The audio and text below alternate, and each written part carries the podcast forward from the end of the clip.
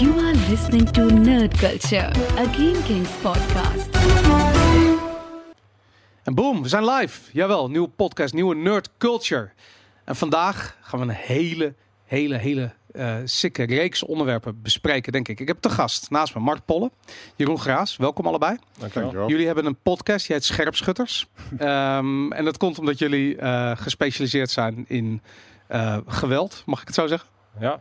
Ik zie al gelijk Jeroen kijken van, ah, nee, we gaan niet die kant op. Nee hoor, heerlijk. Ja? Maar op.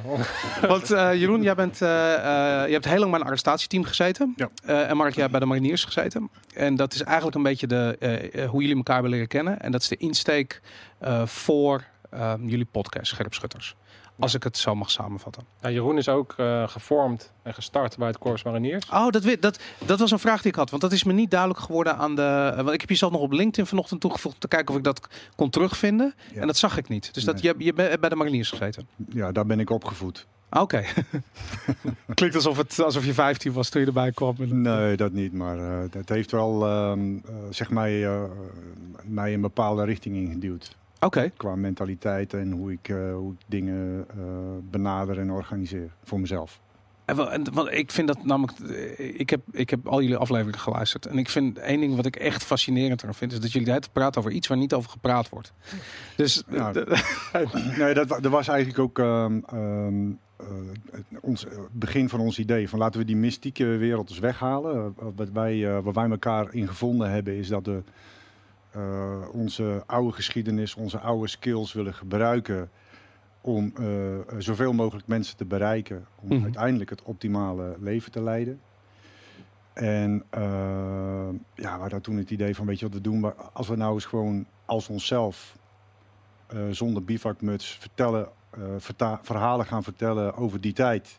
Ja. Over wat we daar geleerd hebben, over, wat het met ons gedaan heeft. En dan gasten uitnodigen uh, uit het veld, uh, maar ook buiten het veld, om gesprekken aan te gaan van, vanuit hun leven. Ja. En dan de, de, de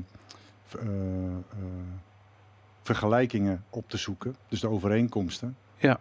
Ja. Uh, volgens mij maken we daar een, uh, een, een, leuke slag. En wat ik wel interessant vind aan wat Jeroen ook aangeeft, is dat hij opgevoed is bij het Corps Mariniers. Ik heb datzelfde. En een van mijn drijfveren die ook aansluit bij dit verhaal is dat ik ook wel ervaarde als jonge gast, begin twintig, dat je heel erg een bepaalde kracht in jezelf hebt die heel erg de verkeerde kant op kan gaan. Mm -hmm. En ook de goede kant op kan gaan. En dat is soms wat meer mentorschap in die fase van uh, jonge mannen wel nodig is. Ja. En ik hoop daar met deze podcast ook een bepaalde rol in te spelen. En ik merk ook in de manier waarop het opgepikt wordt en de reacties die ik krijg, tientallen reacties van, van jonge mannen en uh, ook al vrouwen, maar met name mannen, die um, daar wat aan hebben. Ja. Die daadwerkelijk zien van hey, hij heeft het allemaal al gedaan en, en dat is een bepaald pad dat zij misschien wel ambiëren. Uh -huh. En dan kunnen wij hun laten zien van wij zijn gewoon een mens, we hebben fouten gemaakt. Dit is hoe wij het zien, dit is hoe wij het gedaan hebben. Dit is wat we zouden adviseren om een bepaald pad te bewandelen. En daar hebben zij daadwerkelijk wat aan. Ja. En toen ik jong was, had ik heel graag met iemand willen praten die op dat niveau had gezeten en helemaal. En, maar waar heb je het precies? Want uh, ik kan me voorstellen, en dat is iets wat ik veel in jullie podcast terughoor, dat is het eigenlijk verantwoordelijkheid nemen voor de situatie waar je in zit, je eigen leven, de richting die je leven opgaat. In, de, in details, maar ook in het grotere plaatje. En, en Mark, helemaal jou hoor ik vaak dingen zeggen als van... Uh, um, ja, dat is iets wat veel jongeren vandaag de dag niet meer meekrijgen in deze maatschappij. We leven eigenlijk veel te beschermd. Er is, ja, overleven heeft ja, we zijn geen niet, betekenis. Nee, wie, wie kan er nog een godsame kip slachten? Weet je, ik bedoel, nou ja, dat, waar, waar, ehm, waar kan je je als kerel nou nog testen? Voor mij was, um, was er een onwijs grote behoefte om te ontdekken waar mijn grenzen lagen. Ja. En ik heb dat ook aan de verkeerde kant opgezocht in mijn puberteit. En op een gegeven moment ontdekte ik de wereld van het Corps Mariniers. En daar werd ik beloond omdat ik de grenzen op durfde te zoeken en daar overheen durfde te gaan. Ja. En dan leer je jezelf op een manier kennen um, die veel dieper gaat dan wat je ooit kan leren in een gezapige maatschappij waar alles wel goed geregeld is. Hey, en, en heel even terug, want jij hebt, eh, dat is ook een ander ding dat werd me niet helemaal duidelijk. Want ik weet dat je bij de mariniers hebt gezeten, maar je hebt het steeds over een opleiding in Engeland. Is dat de, een Nederlandse opleiding of heb je ook bij de eh, Britse mariniers gezeten? Ja, ik, ik ben opgeleid binnen het Corps Mariniers, maar ik ben ook eh, Engels commando. Hoe, hoe werkt dat? Is dat... nou, er zijn uitwisselingen. Dus eh, Ah, ik, ik, ben ik heb ook bijvoorbeeld een, een koud weertraining gedaan met, eh, met het Noorse leger. En ik ben Engels commando opgeleid. En ik ben bij de Franse legionairs in de jungle. eh, in Guyana, die stormbaan, de beroemde stormbaan. nou, fucking epic dat, hé. Godverdomme. Ik, ik ken Ik word nog steeds wel eens wakker met, Ja. met nachtmerries van die, van die stormbaan. Nederlanders zijn heel goed in die stormbaan, heb ik me laten vertellen. Ja, dat geloof ik graag, maar het was echt een fucking hel. Ja? Ja. Ik, eh, een een eh, eh, goede vriend van mij, die, die zat bij de legionairs. En die vertelde dat zij zelf het baanrecord hadden op die, die, die jungle, dat jungle ding in Guyana. En dat Ja. was 47 minuten. En eh, de Amerikanen die deden hem in 11 uur of zoiets. en Nederlanders waren dan als tweede en die kon dan een uur en 10 minuten zoiets die, die baan. af. En dat was extreem goed. Maar Ja, het ik- kon, ja, Ja, ik heb daar dingen meegemaakt dat eh, je moest op een gegeven moment door die stormaan ook heen. En er was dan een, ehm, een gewonde en die werd vastgebonden aan een paal. Dus die zat helemaal, helemaal vast, die kon geen kant uit. En Ja. moesten wij moesten met hem door die hindernisbaan heen. Maar iedereen zakte weg, zat, kwam vast te zitten onder, onder modder, onder takken. En ik heb die vent doodsangsten zien uitstaan omdat hij natuurlijk op een gegeven moment onder de modder lag en nog net niet kon ademen. Hij kon helemaal niks doen. Hij was helemaal afhankelijk van ons. Ik denk echt dat die vent daarna is afgevoerd met PTSS Oh, eh, shit, eh. na een eh, hindernisbaantje. Dat is een beetje de herinneringen die ik heb aan dat. dat lijkt me ook fucking eng. Als je inderdaad vastgebonden zit je wordt door de, door de modder gesleept door, door je collega's. Dat, Precies. ja. Ja, en ehm, Nederlanders zijn inderdaad wel goed. Ook bij de Engelse commandoopleiding eh, hadden wij, eh, wij jarenlang het eh, baanrecord gehad. En daar vonden die Engelsen natuurlijk helemaal niet leuk. Ehm, maar een Nederlandse major van de mariniers, die heeft toen daar, ik denk wel tien jaar lang het record gehad. Wow. Hoe komt dat? Waarom, wat is, waar, waar zijn Nederlanders goed in als je het hebt over special forces? Ik zou zeggen dat zij extreem aan- aanpassingsvermogen hebben. Dat we ook gewend zijn om met verschillende culturen te werken. Wij, wat ik zag met, met met name de mariniers. Dat in elk gebied waar je komt, is het oorlog en daar is, de, eh, is er geen standaard. Dus je moet heel erg snel leren lezen hoe de situatie werkt. Ja. En je daarop aanpassen en dan vervolgens daar voordeel uit gaan halen. En daar waren in mijn optiek de Nederlanders heel erg goed in. Dat zag je ook in de, in de kroeg. Ja. Als je met een stel mariniers de kroeg inliep, dan binnen no time staan ze met de lekkerste wijven aan de bar. Toch? Ja, niet, niet, Ja, niet ik ja. natuurlijk niet, maar, maar jongens zoals Jeroen, die regelen, regelen dat gewoon. Ja. En, dat, en die skills, die, die vertalen zich naar, naar een oorlogsgebied ook. Ja. En dat zit hem niet eh, in uiterlijk of in wat dan ook, maar dat zit hem in- gewoon in de manier van een situatie lezen en, eh, en krijgen wat je wil. Ja. Heel erg doelgericht. Ja, wat grappig, want ik, ik, ik, ik, ik, kijk, ik ben geen kenner, maar ik heb het idee dat er in Nederland niet echt een militaire cultuur bestaat. Nederlanders bezuinigen altijd als eerste op het leger. Ik, wil, ik geloof dat we, eh, eh, wat hadden we laatst, een of andere 400 miljoen kostende boot gekocht en die was nog niet opgeleverd, die werd er weer doorverpatst. Alles dat, dat, soort, dat soort dingen, dat vind ik typisch Nederlands. Weet je, dat, eh, Ja. hoe is dat? Merk je daar wat van? Ja, kijk, wat ik gezien heb is dat we altijd met niks iets moesten doen. Ja, En dat is ook wel weer iets waar we goed in zijn. En maar de is- mariniers zijn er met name goed in, toch? Want ik hoor wel eens dan commando's die hebben eh, nooit eh, ook maar iets aan apparatuur. En de mariniers krijgen altijd het nieuwste van het nieuwste. Nee, dat is echt bullshit. Ja, dat is niet waar? Oké, nee. dat is gewoon... Nee, wij hadden ook altijd gezeik met, eh, met spullen. En wij hadden ook nooit de spullen die we wilden hebben. Ja. Ehm, en het is wel beter geworden, zeker bij de antiterreur. Want ik ben ook uh, pelotonscommandant geweest van de antiterreureenheid van Nederland. En daarbij zag je in mijn tijd ehm, zag je wel een groei omdat de dreiging ook heel erg aan toenemen was. Dus daar is nu echt wel geld. En daar zijn nu ook echt wel goede spullen. En de, en de, de professionaliteit is echt toegenomen. Als je, als je kijkt, de eenheid van de bijzondere bijsta- bijstandseenheid in de jaren 70. Ja. Waarbij zij aangewezen werden van ga maar antiterreur doen, want er zijn dreigingen in Europa. Ja. Eh, en dat gingen ze dan maar doen. ja, Met, met, eh, met, met echt slechte spullen. Ja. Naar wat er nu staat binnen de dienst speciale interventies en het hele antiterreurbeleid en, en eh, eenheden binnen Nederland. Dat is echt professioneel. ja. En, en die hebben echt goede, die hebben de beste van de beste spullen. Zijn dat die blauwe tanks? Ik heb heel lang op Kattenburg Hmm. gewoond in Amsterdam. En ik weet dat Ja. volgens mij zaten ze daar, toch? Of niet? Nou, blauwe tanks zijn van de Koninklijke Marechaussee en die, Ah. onder- die ondersteunen. En dan met name met bepaald soort operaties, zoals bijvoorbeeld vliegtuigoperaties, heb je echt die, eh, die tanks nodig. Ehm, er zijn natuurlijk allerlei eenheden vanuit de politie en defensie die de antiterreur eh, ondersteunen. Uh-huh. Eh, als, je, als je een actie hebt, dan is het of de politie of de, of de vanuit defensie komen allerlei specialisten dan aanschuiven om die situatie te beëindigen, zoals je ook bijvoorbeeld in Utrecht hebt gezien. Ja, Dan gaat het echt samenwerken en dan gaat, het, gaat ook de goor, het goor en de, de hulpdiensten, de brandweer, eh, alles, alles bij elkaar komt dan om, om die situatie op, tot een goed einde te brengen. ja nee, dat snap ik. Hey Jeroen, en hoe ga je van de mariniers naar het arrestatieteam? Ja, dat is een heel verhaal. Daar kan hebben ik de niet tijd. al te veel over, eh, over kwijt. Maar is dat, is dat, is dat een logische stap? Eh, ja, dat kan. Is, zijn de meeste AT'ers eh, ex-militairen? of? Mm, Veel wel. eh, maar het zijn dan wel mensen die dan vanuit Defensie eh, eh, besluiten om bij de politie te gaan werken eerst. Ja. En vanuit die hoedanigheid richting een arrestatieteam solliciteren.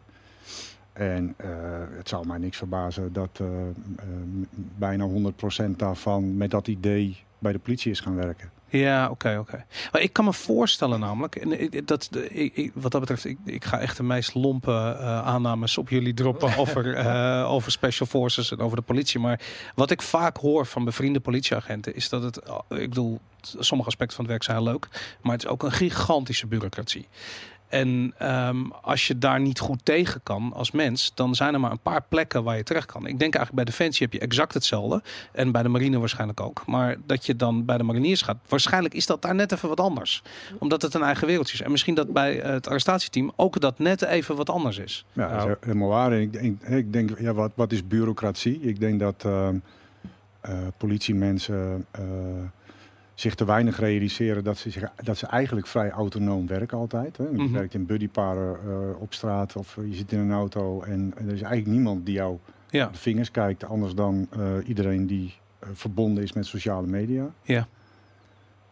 De, ik denk dat het uiteindelijk wel meevalt. Dus maar net met wat voor instelling je eh, dat werk doet. Ja. En Als je iets moet regelen, ja, dan kan het wel eens heel bureaucratisch zijn. En eh, ja, daar heb je dan wel last van. ja. Ja, de, Bij de wat ik AT's me- het is, is het alles behalve bureaucratisch. En daarin eh, ben je, eh, zeg maar, in mijn tijd was je budgetair gezien ook eh, autonoom. ja. Dus je, ja, ja, je, had, je had ontzettend veel mogelijkheden om snel te schakelen en, en, en te bewegen. Maar wat, wat moet ik me daarbij voorstellen? Ik bedoel, hoe, hoe ziet. eh, Ik bedoel, ik begrijp dat op het moment dat je gebeld wordt, zegt van iedereen moet nu naar dat adres en dan moet je naar binnen en dan moet er iemand in boeien naar buiten. Dat begrijp ik. Maar wat doe je? Hoe ziet je dag eruit? Wat, wat, wat, wat, wat doe je allemaal? Doe je ook eh, recherchewerk? Doe je voorbereidingen voor acties? Hoe, hoe werkt dat? Een recherchewerk niet. Er zijn onderzoeksteams die, die daarin in gespecialiseerd zijn. Mhm. En die hebben eh, eh, gedu- of in- op een moment in dat onderzoek ondersteuning nodig van een arrestatieteam als er een bepaalde gevaarsklassificatie op verdachten zit. Ja, Of wanneer datgene wat zij eh, willen eh, complex is. ja, En dan, dan roepen ze in feite de hulp in van een arrestatieteam. Maar binnen de Special Forces noemen we dat intel gedreven. Dus, eh, en dat, dat, dat principe is hetzelfde als bij een arrestatieteam. Is dat het is natuurlijk een middel om een bepaald doel te bereiken. En dat Ja. middel wordt ingezet op basis van bepaalde informatie die verzameld wordt weer door andere clubjes. Het kan soms ook vanuit je eigen clubjes zijn dat, we, dat je verkenningseenheden inzet. Die, ha- die halen inlichtingen. Mhm. En volgens op basis van die inlichtingen ga je dan weer een bepaald, eh, bepaalde missie uitvoeren met je Special Forces eenheden. En dat noem, noem je dan weer voor bijvoorbeeld een direct action. Ja. En dat kan zijn dat je een, een of andere kerel uit zijn huis gaat trekken omdat, die, omdat we in, inlichtingen hebben dat hij fout, Ja. foute dingen aan het doen is. En dat werkt En, en, omdat je het zelf om die inlichtingen hebt vergaard. ja. Dan kun je vanuit de inlichtingen die je vergaart, kun je rechtstreeks eh, in, eh, tot actie overgaan. Dat is bij een arrestatieteam wat minder. Omdat wij eh, gewoon die inlichtingentaak niet hebben. Maar hoe kom je aan je informatie? Want je moet, eh, zeker als je teamleider bent, op een gegeven moment weten van ja, waar ga je naar binnen? Wat is dat voor iemand? Zitten er meer binnen? Ik bedoel, al dat soort informatie. Ik, ik, Ja, die, inli- die inlichtingen die krijg je van onderzoeksteams. maar dat betekent dat je iemand moet vertrouwen eh, Ja. in, in, in een misschien eh, hele gevaarlijke situatie. Ja, bij ons hadden we dat wel meer uit ons eigen clubje. Wij hadden naast de politieorganisatie ook onze eigen operatie. Ja. En de, die mensen, die, daar werkten we altijd samen mee. En die waren bezig met maar één ding. En dat is zorgen dat wij de juiste informatie ha- hadden die wij nodig hadden om een gijzeling te beëindigen in een groot gebouw bijvoorbeeld. Ja. Zij wisten welke informatie wij wilden hebben om operationeel gezien een goede operatie uit te voeren. En dan ben je op Ja. elkaar ingespeeld. En dat principe is natuurlijk Ja, bij het de politie. hetzelfde. Ja. Kijk, als je bepaalde informatie mist, dan ga je er naar vragen. Ja. En als die informatie niet, niet uit, eh, uit de aanvragen komt, dan ga je dat zelf opzoeken. Ja, En dan ga je er zelf achter komen. En, eh, ja, de- de- de- je hebt bepaalde hoeveelheid informatie nodig om een actie echt goed voor te kunnen bereiden. ja, Als die informatie er simpelweg niet is, dan kun je die actie nog steeds uitvoeren. Alleen dan moet je rekening houden met, met, het, met bepaalde feiten die je niet kent. ja. En dat, dat, dat doe je eigenlijk altijd. Als, als militair ben je altijd bezig met risicomanagement. Ja. Risicomanagement houdt ook in dat je soms beslissingen neemt op basis van een heel- zeer beperkte informatie. Mhm. En dan bekijk je, wat weet ik wel? Welke aannames doe ik? En wat is het gevaar van die aannames? En in je planningsproces neem je allemaal van dat soort dingen mee. Ja. Zodat je ook je actions on bepaalt. Bijvoorbeeld, je hebt een bepaalde aanname geno- genomen. Stel dat die verkeerd is en dat gebeurt, dan doen we dat. En als dat dan gebeurt, dan doen we dat en dat en dat. Dat kan heel extreem zijn. Voor een echte Special Forces missie ga je in een bepaalde isolatiefase. Uh-huh. En dat kan heel extreem zijn. Dan, ik heb wel eens planningsprocessen meegemaakt dat je 72 uur achter elkaar aan het eh, plannen bent. Oké, En dat is echt hardcore plannen. Dus Ja. dat gaat echt op ieder detail. En daar is niet altijd tijd voor. Maar er zijn, als je echt een operatie hebt die heel belangrijk is. Ik noem maar even een, een voorbeeld wat, misschien, wat iedereen wel kent vanuit de films. Als zo, zo iemand als Bin Laden gaat oppakken. Dan zitten daar zeer extreme planningsfases Ja, vast. kan weken, de- de- de- die zijn daar weken mee bezig. en dan nog stort er één helikopter neer. Ja. En klinkt het, als ik het teruglees, als totale chaos. Terwijl er in feite één iemand Ja, in dat, een in, de- in slaapkamer die zit. totale chaos is het dus niet. Oké, Want er wordt in feite overal rekening mee gehouden. Ook met het feit dat een helikopter kan neerstorten. ja, Ik denk ook al, als ik terugkijk naar, naar acties. En iemand anders zou midden in die actie stappen. Dan denken ze, wat is dit in godsnaam voor een chaos? Ja. Maar bij, dat was het moment waarop wij als vis in het water waren. Want het is in die chaos waren wij de baas. Wij wisten, dit was gecontroleerde chaos. ja. Oorlog voeren is ook gecontroleerde chaos. Ik vind het zo interessant, want jij hebt eh, eh, een bedrijf opgestart, dat heet Hell Shooter, het echte leven. Zo kennen we elkaar ook. Je hebt dat zelf Ja. op First Look, heb je dat een keertje voor het eerst aan de wereld eh, getoond, kan ik me herinneren. Ja. Dus we, we hebben daar volgens mij totaal twee afleveringen van GameKings opgenomen ooit. Klopt. En dat idee is eigenlijk een, een realistisch scenario naspelen met airsoft guns en acteurs. Eh, en veel van de acteurs waren eh, eh, eh, mariniers of ex-mariniers. Dus die konden heel goed schieten met die dingen. Oud, kan ik me herinneren. oud mariniers. Oud-mariniers. Ja, Oh, het schijnt ex, dat bestaat niet. Nee, ja, Nee. oké. Nou, nooit over nagedacht, maar dat ik snap waarom. Ja, oké. Ja. Oud-mariniers. Ja, Ehm, en dat komt ook omdat sommige ma- mariniers gewoon echt oud zijn. ik moet zeggen, deze waren niet oud, maar ehm, konden wel heel erg goed schieten met die, met die pellet guns. Verrassend goed. Ik wist niet Ja. eens dat het kon. Ehm, maar wat me opviel was dat eh, eh, jij had dat eh, helemaal ehm, uitgeschreven eigenlijk, dat die scenario's. En er was ook een planningsfase. En ik snap dat je, ik zag je af en toe zag ik je een beetje lachen van ja, weet je, die gasten, dit gaat nooit wat worden. En dat werd het ook niet. Maar het interessante, wat, en dat vond ik echt fascinerend, was echt gewoon de chaos. En ook al was ik daar met twee of drie collega's en is het logisch dat het uit de hand loopt en dat het helemaal nergens over gaat. Nog steeds was de chaos was verbazingwekkend. Weet je, ik, bedoel, ik had niet verwacht dat er ook maar enige eh, sprake zou zijn van een gecoördineerde aanpak. Maar dat echt elk plan direct het raam uit zou gaan. Het moment dat er iemand begint te schreeuwen en te schieten.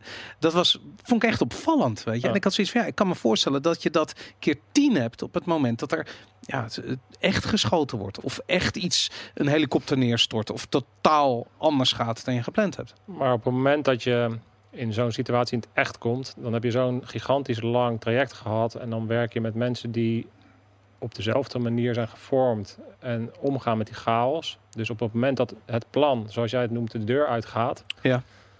dan ontstaat er bij jou chaos. En dat is logisch. En dan kom je meer op je primaire reacties. En dan, dan ben je aan het overleven. En dan gaat iedereen op zijn dingetje doen. Maar juist in dat domein, daar word je in getraind. Dat, Ja. dat, dat is de Er kunst. is toch iemand die dat ook voor het eerst doet dan? Of misschien voor de tweede keer, weet ik Nee, niet. want Ik bedoel- de, de trainingen die je doet en de simulaties. Ik, ik kan me nog goed herinneren dat ik voor het eerst eh, dat er contact wait out geroepen werd in Afghanistan. Dat was de eerste keer dat er dus daadwerkelijk een vuurcontact kwam. Ja. Dat ik het gevoel had, mijn eerste ding was, ik zit in een oefening. Het voelde nog steeds alsof ik in een oefening zat. En dat, dat komt, dat heeft dus te maken met het feit dat je dus die situatie zo vaak opzoekt. Ja. En zo vaak daarin getraind bent. Dat op het moment dat het echt gebeurt, dat je nog in staat bent om dan. eh, om het analyserend of een soort van afstand naar te kijken of zo. nou, om, om daarin te handelen zo, eh, op een manier dat je dat gevecht gaat winnen. En ik vind dat namelijk, dat vind ik echt fascinerend. Dat je traint voor een onmenselijke situatie. En dat is wat ik ook direct toen jullie die podcast begonnen eh, fascinerend vond. Eh, is hoe, eh, hoe kom je daar? Weet je, ik bedoel, ik snap dat iedereen in een situatie terecht kan komen die eh, onmenselijk is. Of niet natuurlijk is voor een mens om in te, Ik bedoel, het is niet natuurlijk om in doodsangst te verkeren. Of, of je, ja, ik weet niet eens wel wat de juiste woorden zijn. Maar om in, in zo'n extreme situatie terecht te komen, dat is niet iets wat de meeste mensen zullen meemaken. ehm, of hebben meegemaakt. Eh, dus ook ontzettend moeilijk om op te trainen. Ik, als mensen het meegemaakt hebben, vraag ik me af of ze het zich bewust hebben meegemaakt. Tenzij je er dus op traint en het bij wijze van spreken analytisch meemaakt. En dan denk ik dat de enige mensen die dat doen, dat zijn, dat zijn jullie. Ik bedoel, Ja, maar kijk, het is. eh, het is het, je, je brein beschermt je ook in dat soort situaties. En daardoor eh, is het ook onmogelijk om zo'n situatie eh, volledig van A tot Z je te kunnen herinneren. Ja, Hè, er, zijn, er zijn flarders die, die verdwijnen.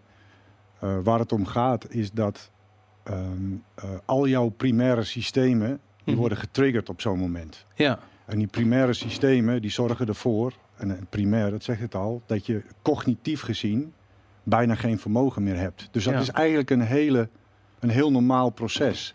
Dat als jij onder een enorme eh, druk komt te staan, en dit is dan een, een levensbedreigende druk, mhm, dan, dan gaat jouw primaire systeem alles overnemen omdat jij wil overleven. Daar is jouw hele lichaam op ingesteld. ja, En dat betekent dat jouw cognitieve vaardigheden per definitie eh, eh, veel minder zijn. Dus je kunt minder denken.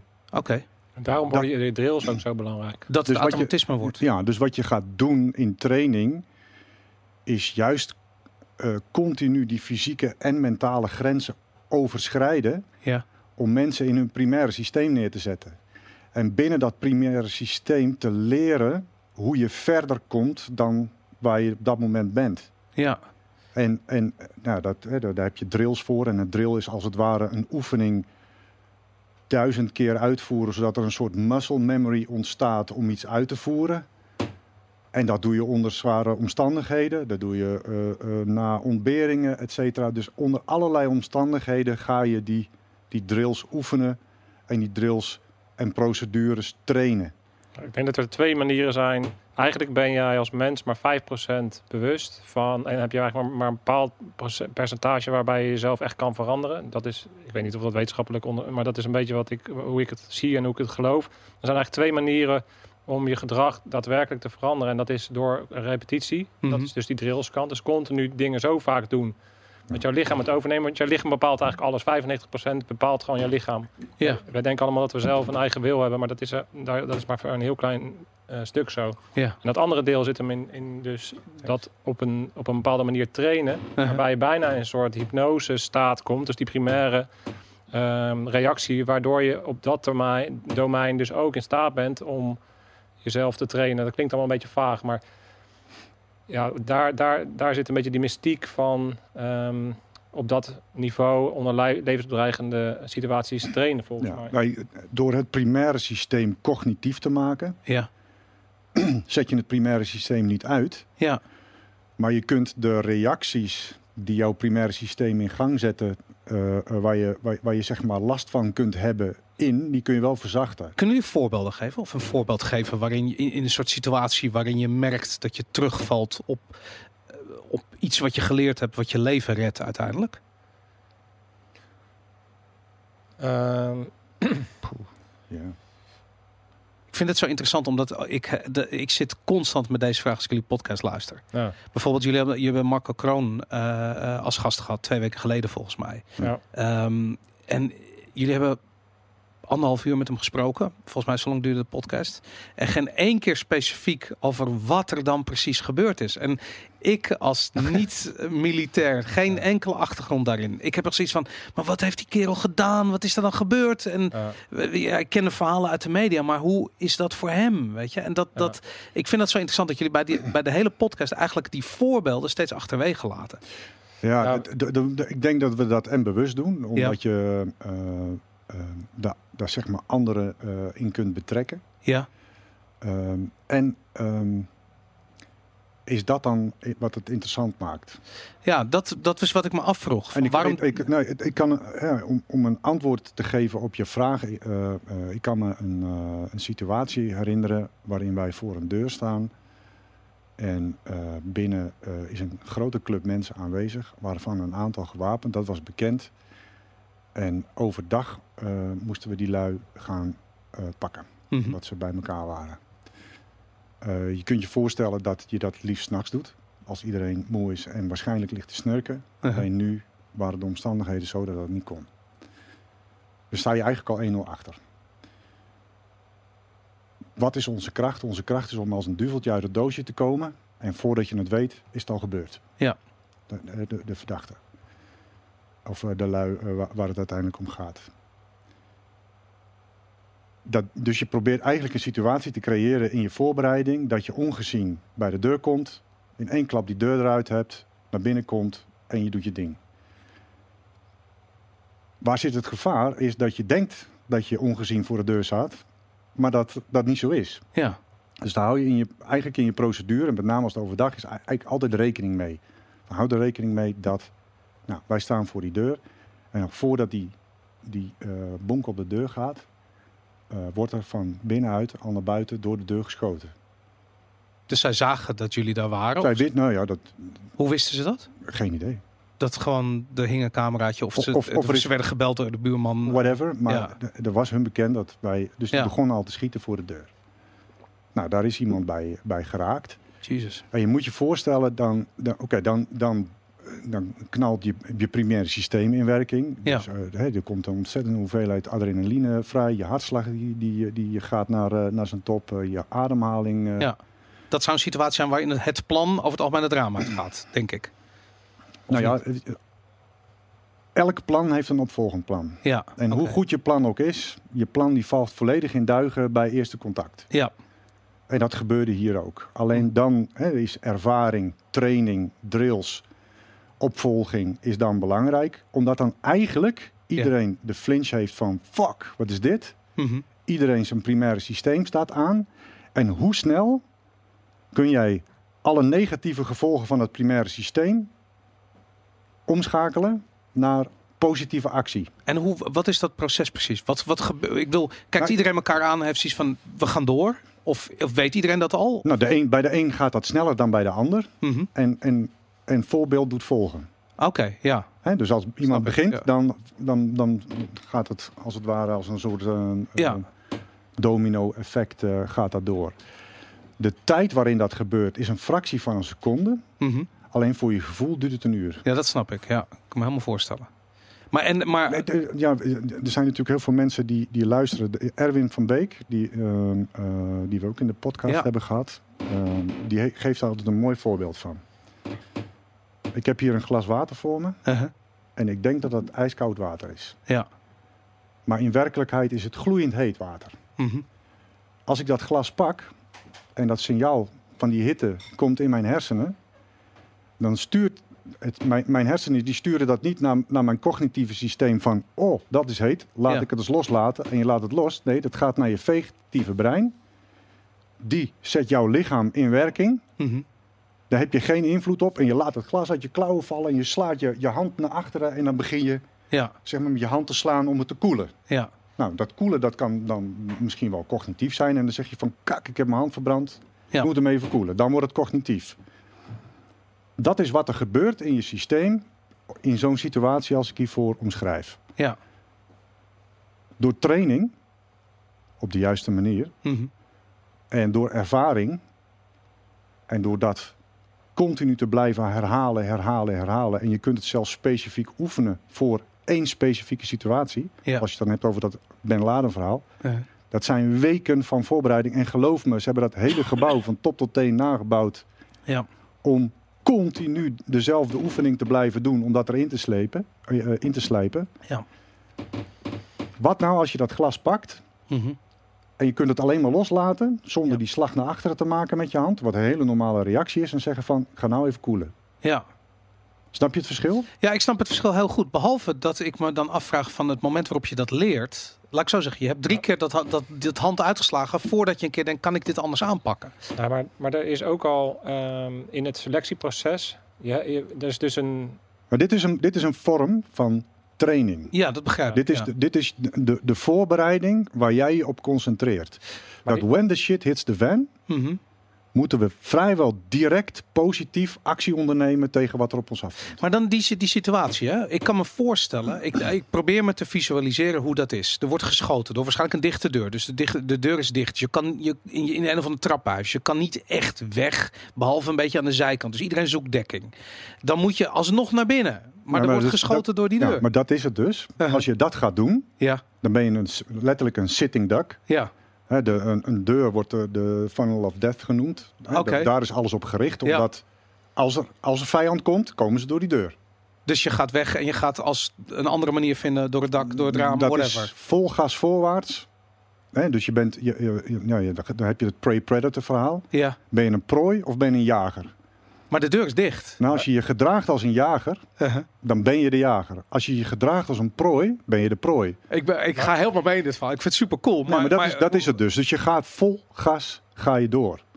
Ja, het is, het is dat moment van het eerste keer dat er op je geschoten wordt, is de natuurlijke reactie van iedereen zou zijn om te vluchten. Ja. Maar een special force eenheid of een arrestatieteam is, is er, is er geen getraind of oké, bam, dat is die reactie, er wordt geschoten. Maar vervolgens is het gewoon god fucking voorwaarts. Er moet vuur op eh, naar binnen. Ja, Eh, die deur moet open en wij moeten zo snel mogelijk ontplooien in die ruimte. ja, Dat, dat is dan de mindset. ja, En hoe we dat dan gaan, dat is helemaal afhankelijk natuurlijk van de situatie en of het wel kan. En het moet wel veilig gaan. Ja. Maar er is maar één mindset in zo'n team. En dat is dat we direct momenten moeten overnemen. Wij zijn verrast doordat ons geschoten is. Wij nemen het vuurgevecht over door een shitload aan eh, metaal die kant uit te sturen. ja, Dan nemen we het gevecht over. En vanuit daar gaan we, gaan we ja. eh, eh, Voorwaarts. winnen. ik Ja, word gewoon fanatiek van als ik erover heb. Wist je Ja, dat? nee, maar, de- maar ik ook. Ik vind het, het is een spannend verhaal, weet je. En dat, is- dat is wat ik eigenlijk verwachtte ook toen ik naar, naar eh, eh, eh, scherpschutters ging luisteren. Ik had zoiets van, ik wil die spannende verhalen eh, horen. En Ja. dat, ik bedoel, sterker nog, toen ik bij Hellshooter eh, eh, eh, was geweest, waren we na afloop, waren we eh, eigenlijk langer bezig met sterke verhalen vertellen over wat er nou daadwerkelijk gebeurde met die pellet guns in die, in die ruimte, dan dat die hele... Ja, maar ik heb, weet je wel, je, je hebt niks aan, aan, aan onze sterke verhalen. En waar wij in de podcast juist naar op zoek zijn, is, Ja. we, we- we- zetten eh, links en rechts, eh, vertellen wel eens een anekdote. Ja, Maar waar we juist naar op zoek zijn, is wat doet het met jou als mens? ja, nee, tuurlijk. En welke systemen heb jij ingezet om dat te kunnen doen? Ja, En dat verschilt niet zoveel met ik, eh, ik heb een plan en ik wil als ondernemer dat plan gaan uitvoeren. Of ik heb een baas en die baas is een grote klootzak en ik wil eigenlijk iets anders gaan doen. Die systemen zijn hetzelfde. ja, Weet je wie dat heel mooi ze- zei? Dat is Sander Aarts. Hebben we gisteren Ja. een gesprek eh, opgenomen. Die heeft ook, daar heb ik ook mee gediend. En die heeft nu een boek geschreven, Niet te breken. En die zit volgende Oh, week in ja. onze podcast. Dus de best getrainde militair uit de Special Forces eh, van Nederland. En die, heeft, ehm, die zei... Voor mij zou het heel makkelijk zijn, en voor mannen zoals, zoals mij... uh-huh. om eh, op het podium te gaan staan... En vanuit die autoriteit van kijk eens even wat ik allemaal heb gedaan en hoe stoer ik ben om op, dat, op, op zo'n manier mensen te gaan trainen of een bepaald verhaal te vertellen.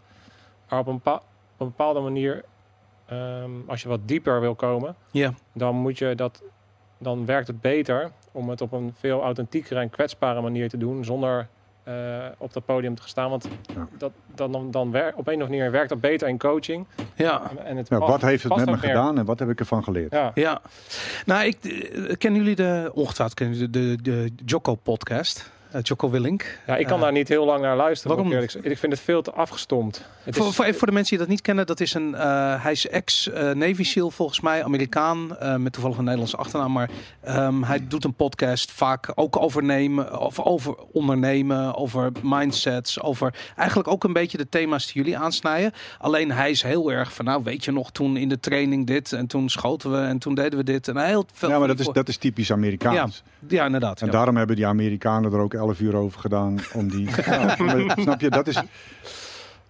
Ja, nou, dat, dat is. eh, zo werken de Amerikanen. maar, maar en hoe, ehm, wa- want is het, ik ben er veel nieuwsgieriger naar wat het met Jocko Willink als persoon gedaan heeft. ja. Maar dat krijg je En dat krijg je Niet er niet uit. Maar moet je voorstellen, vanuit mijn idee, ik probeer de hele tijd een soort van kapstokje te vinden waaraan ik de verhalen die ik hoor bij de podcast kan ophangen. Dus eh, eh, eh, ik hoor, eh, weet je, ik hoor vaak Afghanistan of Irak of, of eh, eh, ex-Jugoslavië heb ik voorbij horen komen eh, in de podcast. Ik ken eh, wat mensen die gediend hebben en die, weet je, ik bedoel niet in podcast setting, maar gewoon die vertellen wel eens wat voor soort dingen daar gebeurd zijn. Dat ik echt denk van, nou, ik zou, ik begrijp het volledig als je elke nacht schreeuwend wakker wordt. Maar als ik die voorbeelden niet zou hebben gehoord, zou ik me dat niet helemaal kunnen voorstellen. En dat is wat ik eigenlijk. eh, ehm, dat, dat, dat vind ik ook zo tof van Marco Kroon. Dat in het, hij heeft dat boek geschreven. En daarin. Ja, hij beschrijft gewoon in alle details gewoon de, ja, bijna de, de, de, de, de, de, de, missie die hij gedaan heeft, wat er daarna gebeurd is, hoe hij gemarteld is, eh, de wraak. be- die- En ik heb zoiets van, ja, je moet dat op een of andere manier eh, eh, horen of lezen of weten, om te begrijpen wat, voor een, wat er met hem gebeurd is toen hij volgens in de media, bij wijze van spreken, afgemaakt Nou, is. het, het is ook wel een goede tip. Ik denk dat het ook voortkomt uit het feit dat het voor ons zo eh, gewoon is geworden dat wij ook wellicht een stapje terug moeten doen en meer connectie moeten leggen met luisteraars zoals jij, want er zijn er vast veel meer die dat hebben. Spannende verhalen. Nou ja, goed, ja, dus, dus eh, iets, eh, iets ja. meer teruggaan en- en het verhaal. Ik bedoel dit iets- niet als, als advies hoor. Nee, dat- nee, maar, zo, maar ik, zo, zo vat ik hem wel op. Nou, zo klinkt hij wel. Nee, maar het, is juist goed om te horen, omdat ik, omdat ik wel- wel kan voorstellen. Ik kan me heel goed voorstellen wat je zegt. En ik denk ook dat het goed is om dat verhaal misschien iets plastischer te maken. Want sommige dingen zijn voor ons zo normaal geworden. Ik kan me nog heel goed herinneren dat we een keer een oefening aan het doen waren met antiterreur. Mhm. Waar we- En waar we, nou, we lopen dan en er waren, journa- waren journalisten bij die waren dan oefenvijand aan het spelen. Dus wij lopen door die ruimte heen en is het bam, dubbel tap. Oké, eh, scan and brief. eh vent uitgeschakeld, dead check. Dat, een dead check is dat je je oog in iemand, of je duim in iemands oog eh, eh, st- steekt om te checken of die echt dood is. Oké, vent is echt dood. Eh, hup, en we gaan door naar de volgende ruimte. Ja. Dat is hoe wij elke dag een aantal, aantal uur aan het trainen waren. En Mhm. voor ons was dat helemaal normaal. ja. Maar op het moment dat eh, die journalist kwam daarna naar mij toe, helemaal gechoqueerd met grote ogen. en die zegt, beseffen jullie wel wat jullie aan het doen zijn? Ja, ja, ja, ja. En eh, ja, toen had ik zoiets, dan word je even uit je, uit je ding getrokken of zo. En dan had ik zoiets van, ja, wij beseffen ons dat wel. Wij hebben daar uitvoerig over nagedacht. Uh, Over het feit dat wij onszelf toestemming hebben gegeven om geweld te gebruiken om een bepaald doel te bereiken. ja. Dat heb ik geïnternaliseerd en ik heb mezelf eh, daar echt vaak over nagedacht. En zo goed mogelijk op voorbereid op, op het moment dat ik daadwerkelijk op die manier de trekker moet gaan overhalen en iemand moet uitschakelen. Dat ja. ik dat doe op een Uh, manier die zo doelgericht is dat ik daarna door kan gaan om volgens mijn missie uit te voeren. En dat is waarom wij op die manier handelen. ja. Maar voor, voor haar was dat zoiets bizars. Ja. En dat eh, zouden we wat meer kunnen terugbrengen naar, naar iemand die dat niet. Maar ik weet niet of dat überhaupt kan. Ik denk dat je een heel groot publiek krijgt die spannende verhalen willen luisteren. Maar aan de andere kant, ik vind de, eh, de, de manier waarop jullie gasten op hun gemak zijn bij jullie.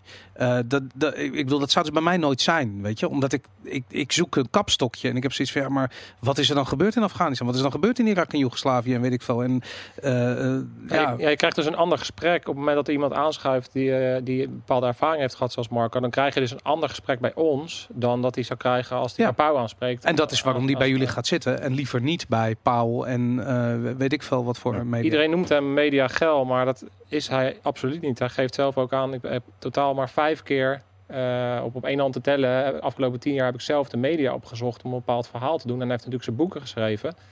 Maar daar was media- er één van. Ja, nou, ik, wat ik daar zo fascinerend aan vond en aan zijn verhaal ook, is dat eh, in mijn ogen, ik bedoel, hij heeft uh, Willemsorde gekregen, wat eh, extreem weinig eh, voorkomt in Nederland. En volgens mij eh, is hij een van de weinige levende eh, eh, eh, militairen die een Willemsorde eh, in ontvangst heeft genomen. Ehm, en vervolgens wordt hij eh, soort van afgemaakt in de media op een, een, een wat was het, een stroomstootwapen van zijn vriendin en een wildplasactie en weet ik het. Ik denk van, die dingen staan toch niet met elkaar in verhouding? Wat, en ik snap het als je naar Nederland kijkt. Ik bedoel, je kop boven het maaiveld eh, wordt niet gewaardeerd eh, in Nederland. Uh, wij hebben geen militaire cultuur. We hebben zeker niet een cultuur waarin militairen als helden worden neergezet. Dat, dat vinden Nederlanders voelen zich heel ongemakkelijk daarbij. en hij is tegen al die, die, die eigenlijk die, die stigma's is hij aangelopen. Ja. En het verbaast me dat het hem zelf verbaasde, bij wijze van spreken. Weet je? Want hij zit dat te vertellen. Zo van, ja, het is niet eerlijk dat dat gebeurt. Is ook niet eerlijk. Maar hoe, hoe, hoe Kijk, het is helemaal niet gek dat het hem verbaast. Hij is commando geworden. Dit is zijn wereld. Hij zit al 30 jaar erin. Hij heeft 10 missies gedraaid. Moet je je voorstellen dat je 30 jaar van je leven 10 missies hebt. Wat is een missie? Hoe lang duurt een missie? Een half jaar. Ja, oké. ja. Dus die vent is, dus vijf jaar non-stop vijf jaar lang is oorlogssituatie, ja. situatie geweest. Dus, dus die vent weet echt wel waar hij het over heeft. En dat is hetgene wat hij gedaan heeft. Vervolgens heeft hij in Afghanistan, werd zijn boordschutter uh, neergeschoten. Kwamen ze in een, in een ambush te zitten. Heeft hij die, die uh, schutter overgenomen. Heeft hij het gevecht weer naar zich toe, naar zich toe getrokken met, met zijn eenheid. Met gevaar voor eigen leven heeft hij allerlei acties uitgevoerd. Insane. Ja, en dat, dat, dat is een actie van iemand mm. die op dat niveau uh, op zijn piek van zijn kennis zat. Als leider van, van een SF-eenheid. En daar zijn dingetje deed. Dat is wat, wat hij is. Hij is een en al commando. En vervolgens krijgt hij een of ander lintje uitgereikt. Allemaal leuk en aardig. Ja. En nou, hartstikke leuk dat, dat hij de eer krijgt. Want, en die heeft hij aangenomen omdat zijn mannen hem hebben voorgedragen. En hij zoiets had van, ja, ik doe dit ook voor jullie. Om het, om het Korps Commandotroepen in het zonnetje te zetten. Want dat, dat moet ik doen. Dat is, dat is mijn plicht. Maar dat is niet wie hij is. Hij wil helemaal niet op een podium staan. Hij wil helemaal niet uh, gezien worden als een held. Maar dat is wat, wat hij geworden is. En vervolgens ga, wordt hij in de, in de kijker gezet heeft hij een barretje. Ja, in elke bar in Nederland wordt wel een, een lijntje kook gesnoven. en, en, en elke bar ligt wel waarschijnlijk een mes of, of, of een een of ander tasertje, ah, weet je. En dan op een gegeven moment wordt hij dus in de gaten gehouden. En het is ook het soort man natuurlijk wat niet voor niks is. Hij is nou eenmaal, er is altijd reuring om die vent heen. Ja, Ik snap ook wel dat mensen zeggen, ja, maar eh, waar vuur is, is uh, waar rook is, is vuur. Ja, maar dat komt omdat het soort man wat hij is. is hij is gewoon ja, maar al, en dan nog, reuring om hem heen. Ja. En dan, en dan, nee, en dan gaan we hem afbreken. Er wordt over, dat, en ik vind het heel interessant. Nederlanders hebben altijd die, die moral high ground, weet je. We vinden het fijn om, om te oordelen over, over van alles en nog wat. Vooral dingen waar we geen verstand van hebben. En dit vind ik nou een heel mooi onderwerp, omdat ja, 99,999% van Nederlanders nooit in een oorlogssituatie is geweest. Geen idee heeft waar dit over gaat. Gelukkig. Maar, maar dat vind ik zo interessant. Kijk, jullie weten wel waar dat over gaat. En ehm, dan kom je gewoon weer terug in de maatschappij. Of je gaat, uh, weet ik veel, je hebt je een baan anders dan in dat soort extreme situaties ga je doen. En dan moet je op een of andere manier die twee werelden aan elkaar koppelen. Ik bedoel, het is natuurlijk ook een oud cliché. Ik bedoel, Rambo gaat erover, weet ik het. Maar ik bedoel, hoe, hoe, wat is daar waar van? Hoe is dat? Nou ja, kijk naar die podcast van Marco Kroon. Ja. Nederland vindt dat hij een voorbeeldfunctie is voor de maatschappij. Ja. Terwijl die in Afghanistan en, en, eh, en, en, over, op andere delen van de wereld de meest verschrikkelijke dingen gedaan heeft die, uh, die, die, die mensen zich hier kunnen bedenken. Maar is dat een reden om te zwijgen over wat er daar is gebeurd? Nou, maar dat heeft geen zin om, om te praten over wat er daar is gebeurd. Waarom, waarom niet? Omdat ik vind dat, de, één, dat gaat het Nederland niks aan. Oké. Want uh, de, ehm, vaak is het geheim. Ja. Dus kan hij er ook niks over zeggen. Niemand begrijpt het. de, uh, oorlog is, een, is iets romantisch. sorry, waarom begrijpt niemand niet? Want ik vind het heel interessant. waarom denk je dat mensen dat niet begrijpen? Omdat oorlog romantisch is. Wij kijken graag naar oorlogsfilms uit de Tweede Wereldoorlog. Want dat waren onze bevrijders. Ja. Hey, dat, waren slecht. En, ja. dat waren lievertjes. Geloof me. Marco die zegt zelf, die lui, die, die, die, die ridders die nog leven uit die tijd. Ja die lachen om wat hij gedaan heeft. Ja. Daar lachen ze om. En dan denk ik van ja, dat is het. Ja. En niet, ze lachen niet om wat hij in Afghanistan nee, heeft gedaan, maar, om, maar, dat, om, om, die hele situatie hier in, ja, de ophef hier in, in Nederland. Ja. En ik denk dat daar de crux zit. Wij leven in een veilig land. Wij weten absoluut niet wat het is om bedreigd te worden. Mm als maatschappij. Ja. Ik heb het niet over individu, maar als maatschappij weten we dat niet. Nee. En, maar we vinden er wel wat van. Ja. En dat is het. Maar dan nog heel even terug, want je zegt van waarom je, je wil er niet over praten, want je loopt tegen een muur van onbegrip op. Je, je loopt tegen oordelen en aannames op van mensen die niet de omstandigheden en de context snappen waarin, er, waarin die uh, ja, dat acties hebben plaatsgevonden. Het is een beetje wat ik wel proef en uh, ik heb daar zelf eerlijk gezegd nooit zo heel veel last van gehad om over, over dingen te praten en dingen te vertellen. En, um, maar wat ik wel proef bij andere mensen die daar wel meer moeite mee hebben, is de, de, de aansluiting vinden en dingen uitleggen van mensen die er niet zijn geweest. Dat, mhm. dat, dat, is is een beetje ehm, frustrerend voor veel militairen om daarover te vertellen. Omdat je altijd een beetje inderdaad in hokjes geduwd wordt, in clichés Ja. geduwd wordt. En je inderdaad vragen krijgt van Uh-huh. nou, en, en heb je dan iemand neergeschoten? En, eh, en dat, dat het daar dan om zou gaan. Ja, ja, ja. ja. en- Dat is de meest gestelde vraag, en- toch? Dat, eh, nou ja. En dat krijg je dan vaak. En dat, ik denk dat daardoor veel veteranen, onder andere daardoor, terughoudender zijn om er mee te praten met anderen. Omdat ze tegen onbegrip aanlopen. En ze op een gegeven moment, na een paar keer dat gedaan hebben, ook thuis met familie of weet ik veel wat. ja. Dat ze dan op een gegeven moment denken, weet je, ik, ik praat er liever niet over. En, ik- en ik praat er wel met mijn buddies over op een, eh, op een reunie of, Ja. of wat dan ook. En daardoor ja. Nou, als, je, als je kijkt hoe Hollywood dingen neerzet. Ja. Wat, ik, wat een wereldberoemde scène is in, in die oude D-Day films. Uh-huh. Is dat er zo'n Duitser, weet je wel, aan- en dan hebben ze, eindelijk hebben ze het strand overwonnen. En dan, en dan gaan ze omhoog om die bunkers aan te pakken. Schiet ze hem dood, ja. En dat die, dat die Duitser zegt, bidden, bi- bitte, bitte, bitte, Ja. En dat die dan neergeschoten en de ene tegen de ander zegt van, who knows what bidden, bidden means. Ja, ja, ja. Weet je wel, daar lachen we om. ja. Daar lachen we om nu, hè. ja. En, Maar- daar- en, en, en dat is het. Ja. Dus nu is het een grapje. Maar ik vraag me eerlijk gezegd vandaag als de dag dat e- nog kan hoor. Ik bedoel, eh, ik bedoel dat is een film uit, eh, wat is het, eh, jaren 70 misschien, 60, ik weet het niet. Maar, ehm, Nee, maar ik- het is, het, dat hoeft niet echt gebeurd te zijn. Hè? Dat is gewoon iets wat een regisseur denkt van, nou, dat is even leuk. Even iets luchtigs. ja, Even een grapje. ja. Maar dat is het niet. Mhm. Fucking hell, dat is het niet. En, en dat is wat onze maatschappij niet begrijpt. En daarom lopen heel veel veteranen tegen onbegrip aan. En, en Marco Kroon eh, eh, zelfs in het openbaar. Ja, ja, En het feit dat het ook een strijd is die mensen van waarom gaan we in godsnaam in Afghanistan rondrennen, wat heeft dat te maken met het, met het, met het belang van Nederland? Ik denk Mhm. dat daar ook, eh, ja, zo, zoals mensen in Amerika niet snapten dat eh, toen ze terugkwamen vanuit Vietnam, hebben we dan met Afghanistan dat principe natuurlijk nog steeds. Ja. Wa- wa- waarom? Er is altijd een, ehm, vanuit Nederland, ook vanuit de cultuur, zijn we niet heel erg grappig om onze militairen in te zetten. Nee. En als het dan gebeurt, en zeker Afghanistan is heel erg bizar geweest, want je had het over bureaucratie. Ik moest ook denken aan het verhaal van Marco Kroon. Van dat was echt een omslagpunt van oké, we gaan een beetje blauwe helmen en een beetje brood uitdelen en eh, water eh, geven. Ja. Naar full, full scale war. Dit was gewoon kinetische oorlogvoering die, die daar uitgevoerd werd. En Nederland eh, is daar gewoon een soort van. Ook Mhm. vanuit de hypocrisie, eh, vanuit een bepaalde hypocriete houding, vind ik vanuit, vanuit de politiek en de, en de eh, communicatie naar buiten toe. Van ja, dat, dat, het- ze durven niet gewoon te benoemen dat het zo is. wat, wat is, hoe komt dat?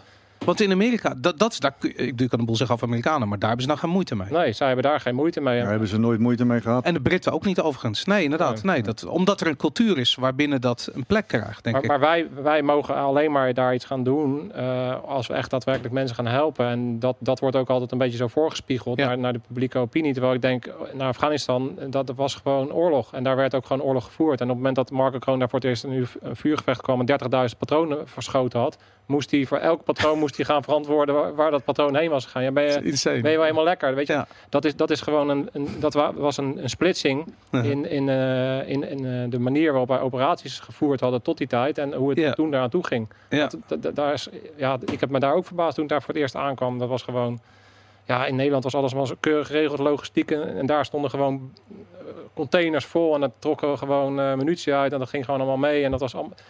Ja, Ja. Afghanistan is daar echt gewoon een. een ehm, Denk je dat dat de eerste keer was dat Nederland dat op die manier gedaan heeft? En eigenlijk ook in mijn ogen een communicatiefout heeft gemaakt. Door gewoon dat niet, eh, eh, ook dat verhaal te omarmen en te vertellen eh, in de pers. Zodat op het moment dat iemand dat wel doet, zoals Marco Kroon, die er niet alleen voor komt te staan. Ja, ik, ik, ik heb dat niet allemaal bestudeerd en ik weet niet hoe dat allemaal gegaan is en weet ook niet wat voor belangen daar allemaal gespeeld hebben om uiteindelijk die missie voor elkaar te krijgen. Ik denk uiteindelijk, als ik het hem eenmaal plat zou staan, slaan en dan zo doe ik dat voor mezelf altijd een beetje is, zoals ik het zie, hebben we gewoon een hele grote schuld naar de VS. En die hebben we opgebouwd omdat zij ons bevrijd hebben ooit, eh 50 jaar geleden, 60 jaar geleden. En wij eh, moeten om onze belangen wereldwijd enigszins eh, in de markt te zetten, moeten wij meedoen met dit soort missies. En wij zijn daarin meegesleept. En onze politiek heeft dat gezien als, als Nederlands belang om daar deel uit te gaan, gaan maken. En vervolgens zijn wij daar in Oeruzgan neergezet. En daar was het gewoon oorlog. En wij Ja. als militairen eh, springen daarin. Want wij, wij zijn daarvoor getraind. Op het moment dat ons, ons land daarheen stuurt, dan gaan wij daar gewoon rammen. Ja. En dat hebben we gedaan. En, Ja. En hoe dat gelopen is, of dat echt bewust allemaal op die manier gecommuniceerd is, of dat, dat ze dachten van, nou ja, we, we, we gaan daar ook eh, in eerste instantie gewoon heen om, eh, om, om, eh, eenheden op te leiden bijvoorbeeld. Dat misschien dachten die Ja, mensen in de politiek dat daadwerkelijk. ja, ik, denk, dat, ik denk eh, dat daar politiek gezien eh, eh, misschien geen dubbele agenda, maar wel een, een, een agenda is die niet helemaal duidelijk naar buiten toe gecommuniceerd wordt. Om het zacht uit te drukken, denk ik. En als, er Dat, dan, ja. en als er dan zich een voorval voordoet, ja, dan gaan we er wel even netjes mee om. Nou ja, maar, maar dat vind ik het interessante. Marco Kroon is daarop afgerekend. Dus het, is, het, het, het Ja. was bij wijze van spreken niet eens een voorval. Het is gewoon zoiets van, wat hij gedaan heeft, dat mag niet. En daarom gaan we nu zeiken over wildplassen en een, een, en een taser en weet ik veel wat dan. Nou, maar dat, eh, wa- wa- wat hij gedaan heeft, dat mag niet. Dat, dat, dat, is, dat is geen issue. Nee. Hij, is in, hij is in oorlogsgebied. Nee, dat, Hij- dat begrijp ik. Ik, ik, hoor, ik zeg dat niet om de over, maar vanuit de moraal, vanuit Nou de ja, van- Nederlandse ja, thuisblijf moraal Ja, mag dat, dat- niet. Want we gingen daar Nee, scholen bouwen en waterputten graven, weet ik het. Ik bedoel, dat, dat ju- juridisch gezien eh, eh, is dat niet zo. Nee, dat begrijp ik ook wel. Ik, En, ja. Maar hij heeft, hij heeft dus uiteindelijk heeft hij, eh, eh, binnen Defensie besproken wat Ja. er tien jaar daarvoor gebeurd is. En dat is eh, eh, via eh, een ambtenaar, een Mhm. burgerambtenaar, een eigen leven gaan leiden. Oh, op die manier, ja, ja. Zo, zo is het verhaal. Dus hij heeft in vertrouwen binnen Defensie verteld wat er gebeurd is. Eigenlijk eh, wel tien jaar na dato, maar eigenlijk conform eh, protocol. Ja, En door een burgerambtenaar is dat een eigen leven gaan leiden. die gewoon geen flauw idee had. Dat en, dat, of, en ja. omdat eh, die het op een plek had neergelegd waarvan men weet dat het dan heel snel out in die open komt, Ja. heeft eh, Marco Kroon ervoor gekozen om het zelf naar buiten te brengen. Ja. En, en zo is het verhaal en niet anders. Ja, Nou ja, het, ja, het verhaal is, natuurlijk- is wel eh, ingewikkeld. Er zijn heel veel kanten en ehm, wij weten natuurlijk ook niet alles. Eh, Marco Kroon heeft ons wat dingen verteld en wij, wij kunnen bepaalde Maar dingen dit heeft hij in onze podcast verteld. trouwens. Ja, Dus, nee, eh, maar, dat Ja. heeft hij, maar dat bedoel ik, dat heeft hij Ja. verteld. Ik ga daar geen, geen waardeoordeel aan, aan hangen. De, er is inderdaad wat gemeld en volgens is dat naar buiten gebracht. Maar wat ik, waar ik nog even op in wil haken is dat ik denk dat het te ver gaat om te zeggen dat Marco Kroon ehm, bewust kapot gemaakt wordt. Ik twijfel, ik denk niet dat dat het verhaal is. Ik denk, vind je dat niet? Dat, dat, dat, ik bedoel, Nou, luister, als wij... denk, ik denk dat het meer. Ik, ik denk, niet dat het vanuit van nou, de moraal wat wij gedaan hebben in Afghanistan is fout. En we gaan nu Marco Kroon als een soort Nee. zondebak. Ik geloof niet dat het zo zit. Ik denk dat het meer in het aard van het beestje zit. Ik denk dat het mensen zijn die opvallen, die moeten in de gaten gehouden worden. Vervolgens zijn, is het een samenloop van omstandigheden. Ik vraag me wel echt af of je zo ver in de conspiracy theories moet gaan zitten dat, dat die be- bewust. Maar, maar als, ik, als ik dronken uit de kroeg kom en ik zeik tegen een en ik heb een grote bek tegen een politieagent, dan gaat het echt niet morgen in de krant vers- Nee, maar- weet je? Ik bedoel, Maar, maar, maar als jij ehm, een bepaald publiek figuur bent, ik noem maar wat, je zit in de politiek en je doet dat, dan word je ook afgemaakt. En, en, de, Ja. en het is gewoon nou eenmaal zo dat, dat de, het lintje wat hij heeft gekregen, heeft hem nou eenmaal op een bepaald podium neergezet. Waarbij ook vanuit, ja, er wordt toch iets van hem verwacht. Ondanks dat dat misschien niet bij de functieomschrijving van een Willemsorde hoort, ja. gaan mensen toch op die manier naar hem kijken. En daardoor staat hij op het podium. Daardoor wordt hij op die manier bekeken op het moment dat hij staat wil te plassen. En ehm, Ja. Als, eh, op het moment dat jullie de podcast begonnen, Scherpschutters, had ik zoiets van wat ik er wat ik eh, zo fascinerend vind, is dat je eigenlijk de mogelijkheid hebt om eh, een brug te slaan tussen die twee werelden. Weet je, aan de ene kant een wereld waarin eh, alles wat maar met militaire cultuur te maken heeft, totaal onbekend is, waar echt serieus de gemiddelde Nederlander niets vanaf weet. Ehm, versus wat er daadwerkelijk is gebeurd in Afghanistan, Irak, weet ik veel, in Mali, whatever, waar we allemaal geweest zijn. En ehm, eh, eh, ik, ik, ik heb bijna zoiets van, ja, dat, is, dat, is, dat blijft gewoon zo'n groot taboe. En ik kan me niet helemaal begrijpen. Ik hoorde jou net ook zeggen, eh, Jeroen, dat je, dat je zegt van ja, je, je wil er niet over praten. Want je loopt tegen die aannames en die, die, die clichés aan van mensen die willen weten of je iemand hebt doodgeschoten, bij wijze van spreken. Ik, wa- wat moet er. heb je niet heel erg de drang om die brug te bouwen en juist, juist ja, wel al die Marco Kroon verhaal te gaan vertellen? Ik bedoel, er moeten Nee. er veel meer zijn. Nee, die drang heb ik niet. Ik, heb, ik heb wel, ehm, eh, waar ik nu wel mijn energie eh, op zet, en, en dat is ook de, de opzet en, en, en het idee geweest van de podcast, is om uiteindelijk mensen naar aanleiding van eh, bepaalde skills die je daar nodig hebt om het te doen, Mhm. dat, dat die gewoon toepasbaar zijn in het dagelijks leven. Dat eh, daar hoef je geen militair voor te zijn om op die manier in je leven te staan. Ja, En daarmee wordt je leven waarschijnlijk een eh, stuk makkelijker, een stuk leuker en, en, en, en, be- en kom je verder. ja, En ik denk dat, hè, eh, dat ehm, en, en je ziet die, die beweging eh, natuurlijk veel meer. Er zijn veel eh, oud-militairen die eh, vanuit allerlei richtingen eh, eh, hun, hun skills aanbieden om mensen te helpen. Ja, Kijk naar eh eh, Arie, hoe heet die nou, Arie? Die eh Bo Dorens die met die veteranen nu op pad ja, gaat. ja, ja, ja. Nou, dat, programma Ja. is eh, ontwikkeld en wordt georganiseerd door oud-mariniers. ja. En, en, en nu wordt het heel specifiek ingezet op veteranen, maar ze doen het al veel langer eh, voor, voor mensen als individu of voor bedrijven die eh, iets speciaals Hoe, hoe kijken jullie dan naar, de, naar, naar, naar jongeren, bij wijze van spreken? Ik bedoel, Nou, wat, wat, wat, wat, ik denk is dat je als militair door de dingen waar je in komt en de manier waarop je jezelf test, dat jij boven gemiddeld, of in ieder geval, ja, misschien wel zelfs in extreme mate, naar jezelf moet kijken. En Ja. Ik zeg altijd, het meest waardige gevecht wat je ooit kan voeren is het gevecht met jezelf. En dat gevecht, als jij een goede militair wil worden, moet je voeren. Want je, Ja. wordt- je valt gewoon, op het moment dat jij bij een speciale eenheid komt, dan, in het begin is het allemaal heel erg in de groep en, eh, en kan je nog wel overal doorheen komen. Maar als je bij een speciale eenheid kom, wil komen, dan word jij echt door de mangel gehaald. En dan word jij als persoon, moet je jezelf enorm goed kennen. Je moet precies weten hoe je in elkaar zit, hoe je mechanismes zijn. En ik denk dat die koppeling, het feit dat wij dus dat vanuit onze beroep hebben doorgemaakt, dat wij nu willen laten zien hoe dat werkt.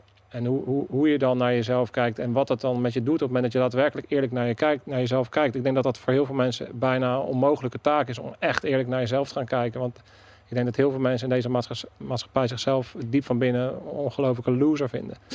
Ik, ik hoor je dat vaak zeggen. Hè? En ik heb je ook wel eens Jordan Peterson horen eh, quoten in, in een podcast. En vooral dat die persoonlijke verantwoordelijkheid nemen. Het Ja. idee dat je dus niet naar, je, naar, je, naar de maatschappij wijst en zegt van ja, maar mijn school dit en, en, en mijn omstandigheden en weet ik van. Maar gewoon dat je zegt van ja, ongeacht dat allemaal, ben je zelf verantwoordelijkheid voor het succes van je carrière, van je bedrijf, van je relatie, whatever. Het maakt niet uit. Ja, ik, ik geloof dat ook echt. Want Ja. ik, ik voel in mijzelf en heb ook altijd in mezelf gevoeld dat ik heel snel de neiging heb om extern ehm, dingen de schuld te geven. En ik denk dat dat ook een menselijke neiging is. Omdat het dus ook het makkelijkste mechanisme wat je hebt is om anderen de schuld te geven. Dus op het moment dat jij moedig genoeg bent om naar jezelf te kijken, jezelf verantwoordelijk te maken voor alles wat er in je leven gebeurt. En dat is die extreme ownership waar Jocko het over heeft en waar ik me wel volledig bij aansluit. Ja. Eh, zijn leer en de manier waar- waarop hij dat heeft opgeschreven, dat is iets wat wij gewoon ademen als Ja. militairen. Die extreme ownership is waar alles om draait. Dat is Ja. waar je pure verantwoordelijkheid neemt voor alles en iedereen om je heen.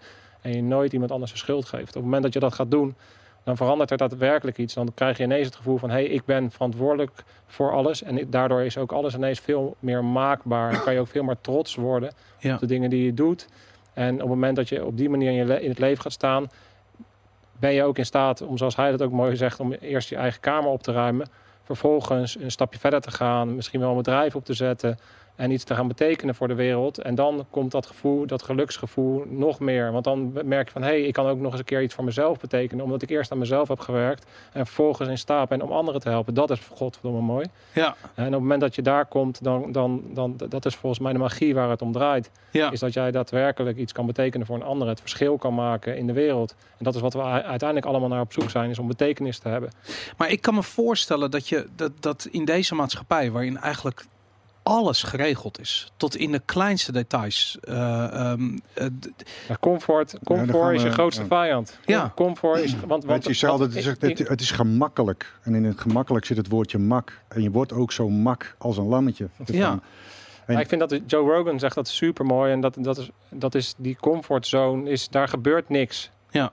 En ik snap dat het een zo'n zo'n heel popiopie dingetje is. Je moet uit je comfortzone trainen en bla bla bla. Ik snap ook wel dat mensen daar soms een beetje moe van worden. Maar ik denk dat het wel echt waar is. maar hoe is dat dan voor jullie? Want dan, dan, dan stop je met eh, eh, actieve dienst, actief in een eh arrestatieteam zitten. Dan begint er een volgende fase waarin je dus. Hoe doe, doe je dat? Ik heb, ik, heb nog nooit, ik heb nog nooit zoveel buiten mijn comfortzone gezeten als toen ik eruit ging. Ik heb, ik heb laat, toevallig, doordat ik hier kwam, heb ik nog even teruggekeken naar dat eerste moment dat, dat, dat ik bij jou stond. Nou, het leek wel een lijk, joh. Ik was zo gestrest en ik moest ineens mijn eigen geld verdienen. Ik moest Ja, ondernemerskills die gaan leren. Doel weet ik nog. Dat, Man, eh, man, ja. man. Ik heb mezelf zo vreselijk hard uitgedaagd Ja. om, om weg te gaan bij de mariniers. En ik heb nog nooit zoveel buiten mijn comfortzone ge- geleefd als de afgelopen drie jaar als ondernemer. Ook het feit dat we een podcast starten en, en gaan zitten en, en dat ik over mezelf moet gaan praten. Ja, dat, is, dat is gewoon zo buiten mijn comfortzone geweest. En zo doe ik elke keer dingen waarbij ik mezelf stretch. Van hoe kan ik nou nog meer betekenis eh, brengen Ja. voor mezelf en uiteindelijk voor de mensen om me heen. Cool. Dat, Ja. dat, dat is waar we mee bezig zijn. Hoe is dat Ja. voor jou, Jeroen? Ja, eigenlijk hetzelfde. Want je, je bent niet meer actief bij de Nee, politie, toch? Nee, dat, de eh, hele tijd niet meer. Oké. Nee, ik heb, ehm, even kijken, het laatste deel van mijn carrière ehm, eh, was ik eh, teamchef van, het, van de opleidingen van het arrestatieteam op de politieacademie. Ja. En daar, ik ben daar met onbetaald verlof gegaan, omdat mijn vrouw zwanger was van onze eerste. En mijn vrouw die, die had een, een winkel, een parfumerie. Oké. En eh, ik moest haar waarnemen, dus dat heb ik gedaan. Jij bent in een parfum parfumerie ja. achter de... Ja. Super. Maar goed, die winkel, die winkel was mij natuurlijk wel bekend, maar ik had Ja. natuurlijk nooit... eh, ja, Maar als je dat wel eens met contrast kerst- Ja, ja, nee, het is, eh, Cool toch? Ja. Eh, eh, wel eens met kerst eh, geholpen en dat soort dingen. Maar dat was dan meer eh, een beetje hand- en spandiensten eh, eh, eh, verrichten. Op het, eh, tegen de tijd dat die, eh, die zwangerschapsverlof van haar eh, ten einde, of mijn betaald verlof, of onbetaald verlof ten einde liep, toen zei Sandra, mijn vrouw, van ja, ik, heb eigenlijk, ik wil gewoon moeder zijn, weet je wel. Dus Ja. ik, ik ga die winkel wegdoen en nou, ik, ik zat op de politieacademie. Ik was met name de, de financiële autonomie van een arrestatieteam gewend. En dat was op de politieacademie iets anders. En dan niet alleen financieel, maar ook organisatorisch. Ja. Zeer bureaucratisch. Daar kan ik absoluut niet tegen. Oké. Ja, wat we dan... Eh, dat ja. ik had zoiets van, nou weet je, schat, een baan zoeken kunnen we altijd. Als we het nou eens met z'n tweeën doen. Zo'n winkel verkoop je maar één keer namelijk. En, Ja. en eh, dan kunnen we kijken of er wat is. Dus ik ben in die winkel eh, gestapt. Ik heb mezelf twee jaar de tijd gegeven om te kijken of het echt wat voor me is. En om me daar ja, toe op te leiden, zeg maar. Uh-huh. Dus dat was flink buiten mijn comfortzone. Ik kwam er wel na twee jaar achter dat het gewoon echt niks voor me is. Oké. Maar toen... eh, Twee jaar is nogal wat. Dat, eh, eh, om dat door te zetten als, je, als het niet je ding is. ja, maar je, je moet het wel een kans geven, denk ik. Ja, oké. En ehm, eh, nou, toen kwam die, ehm, eh, die financiële crisis, die begon. 2008? 2000, ja, zoiets, die kant uit, iets Ja. later. Bij ons kwam hij iets later, zeg maar. Dus dan, ja, dan ga je inkomsten naar beneden. Dus dan kun je ook niet zo makkelijk meer weg. Ja. Eh, ik heb wel in die tijd nog heel veel als freelancer trainingen gegeven over de hele wereld. eh, binnen mijn oude werkveld. Dus ik, Mhm. ik, ik kon er af en toe wel even uit Ja. om eh, mijn ding te doen. En Pa- dat- papi mocht er even uit. ja, dat heeft me, ik denk, zo lang wel op de been gehouden. Maar aan het eind, toen zei ik echt van ja, het is klaar. En toen hebben we uiteindelijk ook die winkel gestopt, zeg maar. Ja. Waren we drie kinderen verder. De drie kunnen er verder. Hey, maar want ik vind dat dat is iets. Ik, vind, ik, ik, ik bedoel, ik ben zelf ook vader. En ik vind. eh, eh, ik, het is ook een van de thema's die ik heb terug horen komen in jullie podcast. Eh, vooral op, op het moment dat jullie praten over PTSS. En gasten hebben die dat hebben of dat hebben gehad. Ehm, ik heb jou, Mark, letterlijk horen zeggen een keer. En dat, dat resoneerde bij mij heel erg. dat op het moment dat je een prestatie levert vanuit schuldgevoel ter compensatie of als, als coping om te dealen met iets wat traumatisch is geweest of wat je als traumatisch hebt ervaren, eh, dat je op dat ogenblik ehm, eh, eh, tot grote hoogte kunt komen, maar op het moment dat je tegen de grenzen aanloopt, klap je ook gelijk helemaal in elkaar. Wat vaak, en ik weet de namen van de gasten even niet meer uit mijn hoofd, maar dat is zeker twee keer ter sprake gekomen. Nou, ik had toevallig laatst nog een jongen die mij met precies dat verhaal kwam. En met het verhaal dat hij een slechte band met zijn vader had. En eh, dat hij nu bij het Corpus Commandant roepen wilde. En dat hij merkte dat hij eh, bij een selectie eh, had hij, kreeg hij ergens, merkte hij dat hij een vraag kreeg. En dat hij daar emotioneel van wordt. En hij zegt van ja, ik, ik wil dat eigenlijk helemaal niet. En ik heb daar last van. Maar ik wil gewoon rammen. Ja. En toen moest ik heel erg denken aan mezelf Mhm. ik ben inderdaad heel ver gekomen door, door te rammen. Ja. Maar ik denk dat.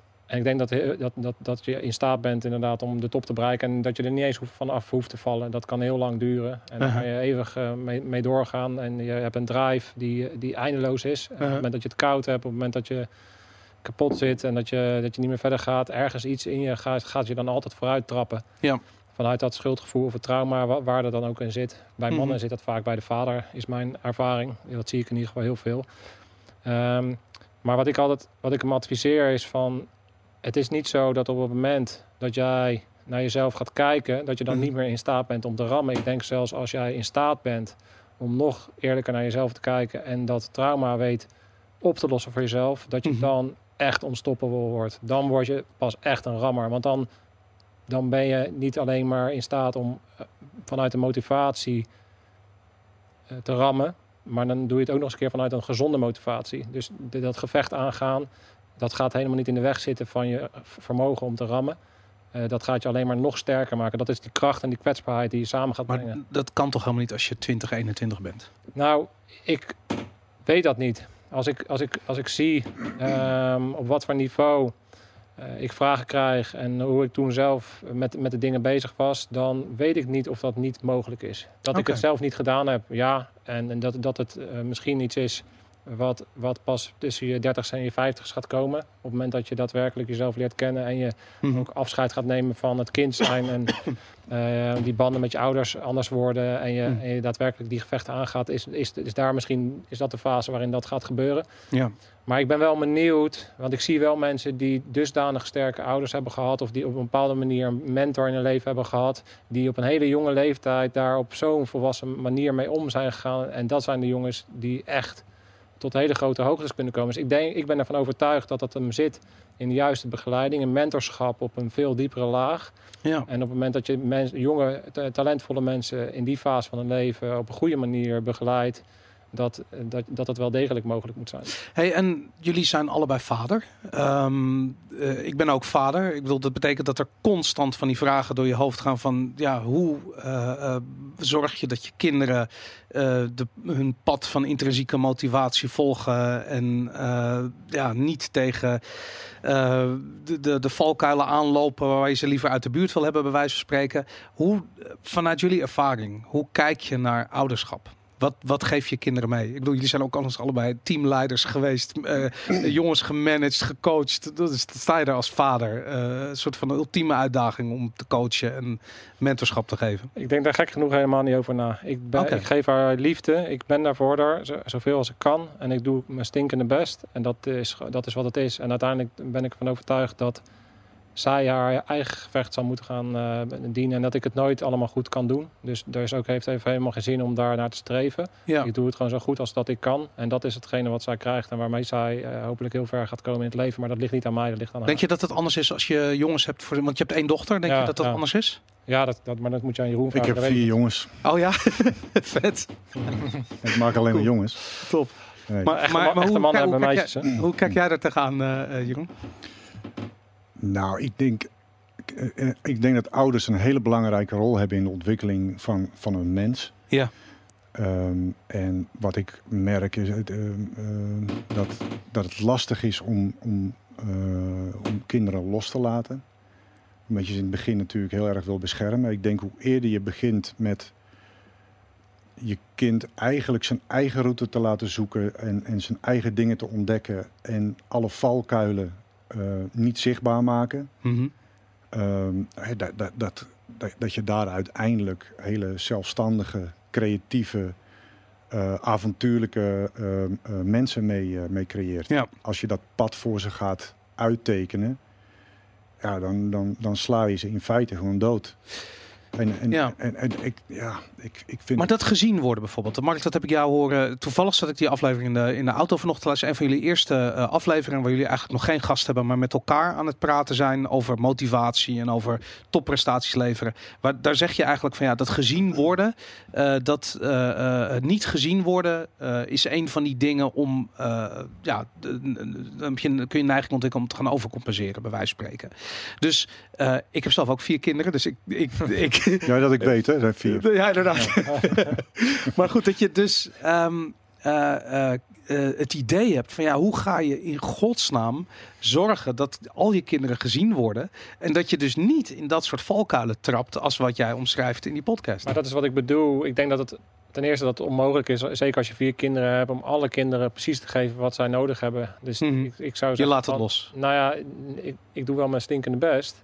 Vanuit mezelf. Maar ik weet dat ik nooit alles goed ga doen. Ja. Dat weet ik al. Dus, dus dat kan ook niet. Ja, maar dan heb, dan heb enige je het over ik- perfectionisme. Ik bedoel, ja, kijk, naar jullie eh, carrière. Ik bedoel, Ja, maar, daar, daarin heb ik dat gek genoeg. Dus, dus nu, nu in deze fase heb ik dat niet. Het enige wat ik wel doe, is dat ik altijd haar geborgenheid geef en altijd haar veiligheid geef. Dat is het enige waar ik altijd op zit. En ik zal heus wel eens een keer haar verkeerd interpreteren of haar niet zien. Maar ik ben altijd bezig. Oké, hoe kan ik haar nou het beste helpen in haar proces? In plaats van dat ik haar zie als een soort van een spiegel voor mezelf. Want dat is wat je vaak in relaties doet. Hè? En is dat de, de fout die je maakt, is dat je dat je de ander gaat zien als een soort spiegel en daarin de zwakheden gaat zien en daar Ja. volgens op gaat zitten hameren, omdat je eigenlijk op jezelf boos bent. Ja. En, Ja. en dat doe je bij je kind denk ik op een bepaalde manier ook. En hoe meer je daarvan bewust bent, hoe meer je, hoe meer je in staat bent om haar gewoon ja, te begeleiden en, Ja. en te helpen en, en eh, advies te geven. En eh, ja, zij is al zo zo'n klein, wijs mensje. Dat, dat ik zie haar ook niet als een kind. Ik zie haar gewoon als iemand die een reis aan het maken is en die ik zo goed mogelijk probeer te begeleiden. en dan fast forward. Ze zijn straks 18 jaar en ze zeggen: Papa, ik ga bij de mariniers. Nou, rammen met je kut. In jouw geval wel, ja. Nee, ja, nee, ja, nee. Ja, Gaan. Dit, dit is, Ja. zij, zij is nu helemaal into de paarden. Ja, ik heb helemaal fuck helemaal niks met paarden. Maar dan, weet je, ben ik, dan- ben ik dan zo'n ouder die daar dan iets van gaat vinden. Het is wat het is. Zij, vindt, zij heeft de interesses die zij heeft. En ik zal haar in Ja. al alles su- su- supporten. En daar zullen vast ook grenzen aan gaan komen. Misschien dat ze wel dingen gaat opzoeken die zo in mijn allergie Jij gaat dat- binnenkort paardrijden, weet ik zeker. dat, eh, Vet. ja. Nou, super cool. Hey, hebben jullie ehm, eh, eh, concrete plannen waar, waar, waar scherpschutters heen gaat eh, eh, binnenkort? Wat, wat hebben jullie zelf geleerd van de afgelopen half jaar zijn jullie bezig, volgens mij? Ja. Eventjes uit mijn hoofd. Wat, eh, eh, Nou, wat mij sowieso heel tof lijkt, ik heb geen idee of je kan of, of dat je daar zin in hebt, maar we hebben een nieuwe eh, scherpschutters sch- schutters experience opgezet. Cool. En dat is eigenlijk een next level ten opzichte van de hellshooter die je een aantal jaar geleden hebt gedaan. ja, Dus ik wil je bij deze uitnodigen. super cool. voor, voor Noppen natuurlijk, kom je bij ons rammen.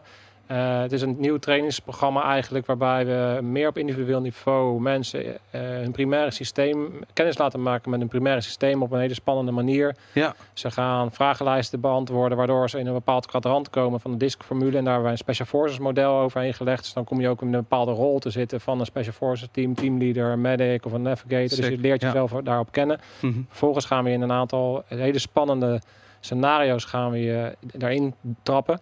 En gaan we, je gaan we je bekijken en gaan we je spiegelen wat je doet. Vet, en, ja. dan, en dan krijg je op actie-intelligentie, op leervermogen, vechtbereidheid, gaan we je daar terugkoppelingen op geven. En dan, dan leer Vet. je wat meer over jezelf. Ik ben nu enthousiast. Ik, vond het ook, ik heb twee keer Hellshooter gedaan. Ik vond het super cool. Voor mensen die dat eh, nog nooit gedaan of niet weten wat het is. Ja, Hellshooter, het zit tegenwoordig in Woerden Ja. eh, bij Utrecht.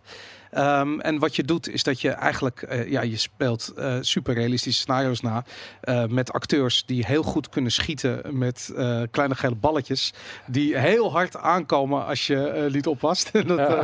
dat was echt ja, Blauw, blauwe plekken gegarandeerd, maar ook een herinnering die je de rest van je leven Ja. houdt. Dat is in ieder geval ons, ons streven. Het is om je onder te dompelen in die wereld en je het gevoel te geven dat je daadwerkelijk in, een- in een arrestatieteam zit. cool. En zonder dat, je dat, dat, je, dat je doodgeschoten wordt. Ja. Maar een paar blauwe plekken. Dus In, in hoeverre zijn die scenario's? eh, wat neem je mee van je eigen eh, ervaring in het bouwen van die scenario's? Nou, heel, heel veel. Kijk, wat ik heel erg doe is, ik, ik, ik weet dat het recreatief is en ik wil daar niet in doorslaan. Ik wil ook niet mensen opleiden tot een of ander eh, lid van een arrestatieteam. Dat gaat Mhm. voor mij veel te ver. Wat, wat ik doe is, ik combineer de gamingwereld, dus echt het Rainbow Six Siege, Call of Duty, dus wat, Uh-huh. hoe mensen het zien en een, en een beetje filmsausen daaroverheen. Dus een beetje de, over de top is het wel een beetje. Uh-huh. En vervolgens, de game design is daadwerkelijk realistisch. Ik gebruik echte casussen die ik mee heb gemaakt om te kijken van eh, klopt dat en zou het in daadwerkelijk ook zo, zo lopen.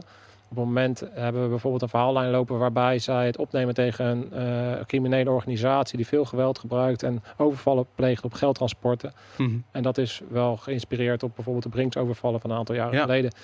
Eh, en zo hebben we een aantal verhaallijnen gehad die ik uit mijn Vet. loopbaan wel heb gepolst, ge- getoetst aan of het realistisch is. Super cool. Dat, eh, nou, eh, mannen, succes met, eh, met de Scherpschutters podcast. Ik, ik kom heel graag een keer bij je langs. Dat lijkt me super vet. Cool. Gaan we items over maken. En eh, ja, dank jullie wel voor, deze, eh, voor je komst naar de studio en voor deze nerd culture. Bedankt voor de uitnodiging. Tof hier mee te zijn. Dankjewel. Cool.